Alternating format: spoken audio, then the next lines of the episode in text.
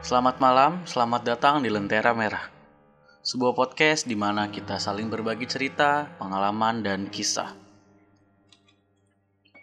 Pada malam hari ini, kita mendapatkan cerita dari Mbak yang nama akun Twitternya @tini t i n y x lalala 1. Saya gunakan nama Tini aja biar lebih mudah dicerna. Tentang cerita mistis di balik rumah makan yang laris manis. Ini ada dua cerita, ber, e, namun berbeda kota, tapi kasusnya hampir sama persis. Rumah makan yang pertama sebut saja rumah makan setia. Namanya juga diubah karena ada alasan tersendiri. Rumah makan ini sangat terkenal di kota T. Uh, namanya kita pakai inisial aja ya demi kenyamanan batininya. Bahkan setiap hari rumah makan ini bisa ngabisin 4 kuintal beras untuk nasinya. Kenapa dia bisa tahu? Kenapa Mbak Tini bisa tahu ya karena pemiliknya itu tetangganya dia sendiri. Rumah makan ini berdiri sekitar tahun 1999 dan awal mulanya ini uh, ini tuh cuma rumah makan biasa yang dindingnya dari anyaman bambu dan beralaskan tanah yang khas pedesaan. Sejak rumah makan ini berdiri, tempatnya benar-benar sepi, cuma satu atau dua orang pembeli yang ada di situ. Itu juga nggak lama terus langsung pulang. Hampir sekitar lima bulanan rumah makan ini masih sepi sampai pada suatu hari. Rumah makan ini mendadak ramai pembeli. Beneran, dari yang benar-benar sepi terus mendadak banyak banget berjejer mobil dan truk di depan rumah makan ini. Awal mulanya para tetangga nggak ngeh. Sejak rumah makan itu rame, mulai banyak kejanggalan yang dirasa sama para tetangga ini. Ya iyalah, gimana nggak janggal? Truk-truk yang ngebut banget ngelewatin rumah makan itu bisa langsung ngerem mendadak. Terus putar balik buat makan di situ. Apalagi rumah makan situ tuh rasanya biasa-biasa aja. Nah kecurigaan para tetangga pun terjawab jika benar adanya. Jika pemilik warung tersebut telah bersekutu dengan iblis dan telah membuat sebuah perjanjian jika dia dapat membuat rumah makan itu laris manis tapi dengan satu syarat yaitu sesajen dan ayam cemeni, cemani atau ayam hitam yang yang hitam semua maksudnya setiap malam Jumat Kliwon. Jadi setiap malam Jumat Kliwon pun si pemilik harus menyiapkan sesajen dan ayam cemani tersebut. Dan bila si pemilik lupa, maka nyawa anggotanya yang jadi taruhannya. Dan beneran terjadi. Ada suatu hari di mana di malam Jumat Kliwon itu si pemilik lupa memberi sesajen dan ayam cemani. Nyawa kakak kandungnya pun direlakan untuk dijadikan tumbal untuk sang iblis. Mulai dari kejadian itu, rumah makan tersebut makin tersohor sejak si pemilik menumbalkan kakak kandungnya sendiri. Kejadian aneh pun mulai terjadi di sekitarnya. Mulai banyak kecelakaan yang terjadi di sekitar rumah makan tersebut. Ada yang bilang juga jika iblisnya mulai ingin tumbal lagi. Dan rumah Simbatini yang dulunya biasa-biasa saja pun mulai terasa hawa negatifnya nih. Setiap bulan akan ada satu nyawa yang hilang akibat kecelakaan tersebut. Kejadian ini berlangsung bertahun-tahun lamanya. Jadi tetangga sekitar nggak akan heran kalau ada kecelakaan di sekitar situ. Dan sebulan bisa sampai lima kali. Waktu demi waktu pun berlalu. Pada tahun 2010, si pemilik menunaikan ibadah haji ya. Alhamdulillah, dan dia udah mau bertobat dan memutus perjanjian dengan si iblis ini. Dan tahu apa yang terjadi setelah dia pulang haji. Tiba-tiba rumah makan dia bangkrut, sepi lagi seperti awal buka dulu. Dan si pemilik pun sakit-sakitan. Ternyata si iblis ini nggak terima kalau dia dibuang gitu aja setelah dia beri semua kekayaan yang si pemilik mau. Jiwanya pun seolah dibuat mainan. Gimana nggak kayak dibuat mainan sejak 2010 itu sejak si pemilik pulang dari haji ini sampai sekarang dia itu sakit-sakitan dan udah puluhan kali masuk rumah sakit badannya yang dulu gemuk sekarang kurus kering kerontang dan setiap penyakitnya kumat matanya selalu melotot dan menggigit bibirnya sendiri sampai-sampai keluarganya ngasih sendok buat digigitin biar dia nggak ngegigit bibirnya sendiri Tapi gimana pun dia harus nerima resiko karena perjanjian yang dia langgar sendiri. Dan sekarang keadaannya masih sama, dia masih suka bolak-balik rumah sakit dan semua kekayaannya pun habis untuk pengobatan. Jadi itu yang pertama. Nah lanjut yang kedua, karena ini lain cerita. Soalnya ini si pemilik yang rela numbalin dirinya demi laris manisnya rumah makan yang ia milik. Rumah makan ini sangat terkenal di kota B, sebut saja rumah makan pisang. Dan sejak itu di saat jam makan siang, kalian harus ngantri dulu biar bisa dapat makan di sana. Banyak pelanggan yang bilang kalau emang bakso dan mie ayam di rumah makan ini enak banget. Dan ini cerita yang dialami oleh Mas Tony. Nama samaran ya. Jadi, pas banget habis gajian, terus Mas Tommy ini tanya ke teman-teman kantor ya. Eh, makan yang enak dan recommended gimana sih? Lalu temennya bilang, makan aja di rumah makan pisang, dijamin enak banget. Tempatnya juga nyaman. Tapi pas jam makan siang, Mas Tommy ke sana, itu rame banget dan harus antri dulu. Karena pas jam makan siang yang ngantri, Mas Tommy pun memutuskan untuk ke rumah makan tersebut pada waktu pulang kerja. Sampailah Mas Tommy ke rumah makan tersebut. Pas Mas Tommy ini memarkirkan sepeda motor ya, ada bapak-bapak yang nyamperin ke arahnya, lalu bertanya, Mas baru pertama ke sini ya?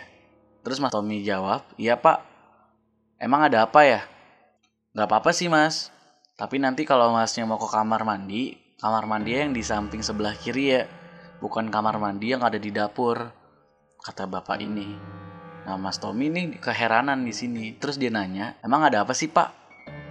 Terus si bapak itu diem aja dan pergi. Terus ya udahlah si Mas Tommy nggak mau mikirin hal tersebut, masuklah dia ke rumah makan tersebut. Dan memang rumah makannya itu rame banget.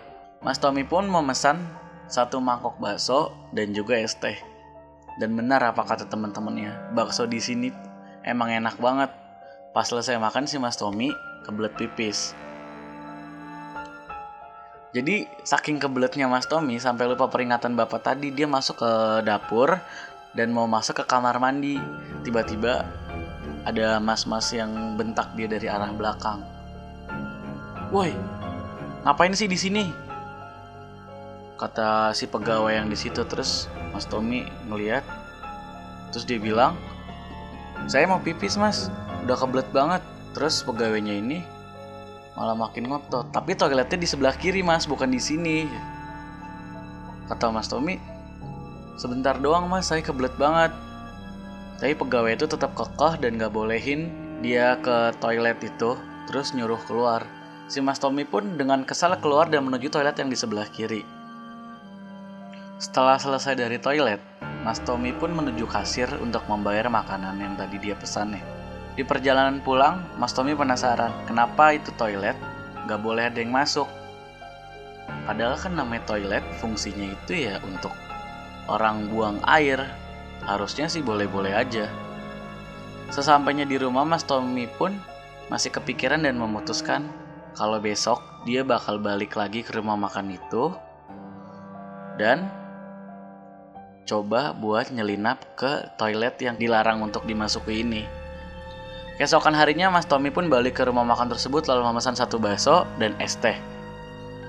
Kemudian setelah disajikan Mas Tommy pun makan pelan-pelan untuk mengulur waktu dan menunggu momen yang pas untuk menyelinap masuk ke dalam kamar mandi yang ada di dapur. Dan sesuai keinginan si Mas Tommy, kebetulan ada pelayan yang mecahin mangkok. Dan pelayan yang lain pun ikut ngurusin kejadian itu. Dan emang lagi keadaan yang lagi kacau karena ada yang mecahin mangkok, terus dia pikir, wah ini pas banget nih momennya. Sambil mengendap-endap, Mas Tommy pun menuju dapur. Sampailah dia di depan kamar mandi yang ada di dapur tersebut. Pelan-pelan dibukalah pintu dan matanya pun melotot kaget sekaget-kagetnya ada manusia. Iya, ada manusia. Kurus, kering, kerontang lagi tergeletak di sana, dialasi tikar dan keadaannya sangat mengenaskan. Dan tubuhnya dipenuhi borok yang bernanah, lalu hanya ada selimut dan sarung tipis di situ. Dan dilihatnya di samping ada pria yang mengenaskan, dan itu ada ember juga pisau. Dalam hati, untuk apa ada pisau dan ember di sampingnya? Dan kenapa ada pria di sini dalam kondisi mengenaskan tapi tidak diobati? Kemudian Mas Tommy bengong. Lalu ada seorang yang menariknya dari belakang. Ternyata mas-mas pegawai di sana yang kemarin menegur. Mas, kamu sudah lihat semuanya. Mas Tommy pun mengangguk. Lalu kata pegawai itu, Mas tolong jangan bilang siapa-siapa ya soal ini. Nanti saya bisa dipecat. Dan Mas Tommy pun mengiyakan. Kemudian, dia pun segera bergegas ke kasir dan membayar makanannya. Setelah keluar, si Mas Tommy pun bertemu dengan bapak-bapak yang bertemu dengan dia sebelumnya yang memberi peringatan kamar mandi yang ia masuki tadi. Lalu Mas Tommy bertanya kepada si bapak tersebut, Pak, ini sebenarnya pria yang ada di kamar mandi di, yang di dapur itu siapa? Bapak itu celingak-celinguk ke kiri dan ke kanan melihat situasi aman atau tidak. Siapa pak? Kata Mas Tony bertanya kembali. Jadi gini mas, pria yang dilihat tadi itu, itu pemilik dari rumah makan ini, kata si bapak itu. Pria tersebut sudah membuat perjanjian dengan iblis, jika rumah makan ini laris manis, dia siap menjadikan dirinya sendiri sebagai tumbal. Ya, setelah rumah makan ini ramai, dia akan jadi sakit-sakitan dan kemudian akan diambil nyawanya. Sesuai dengan perjanjian yang udah disepakati dengan si iblis. Lalu, kata Mas Tommy, ember dan pisau di sampingnya itu untuk apa, Pak? Apa jangan-jangan untuk diambil borok dan dicampur ke makanan yang dijual di sini? Kemudian si bapak itu diam dan hanya mengangguk.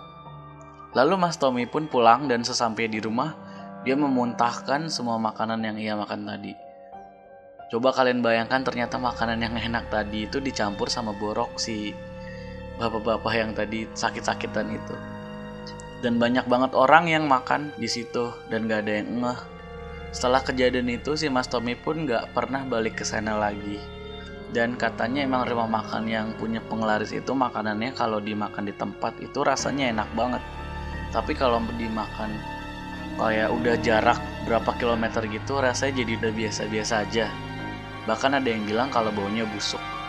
Jadi cerita ini real ya dari Mbak Tini kalian mau percaya atau enggak itu balik lagi ke gimana kaliannya aja.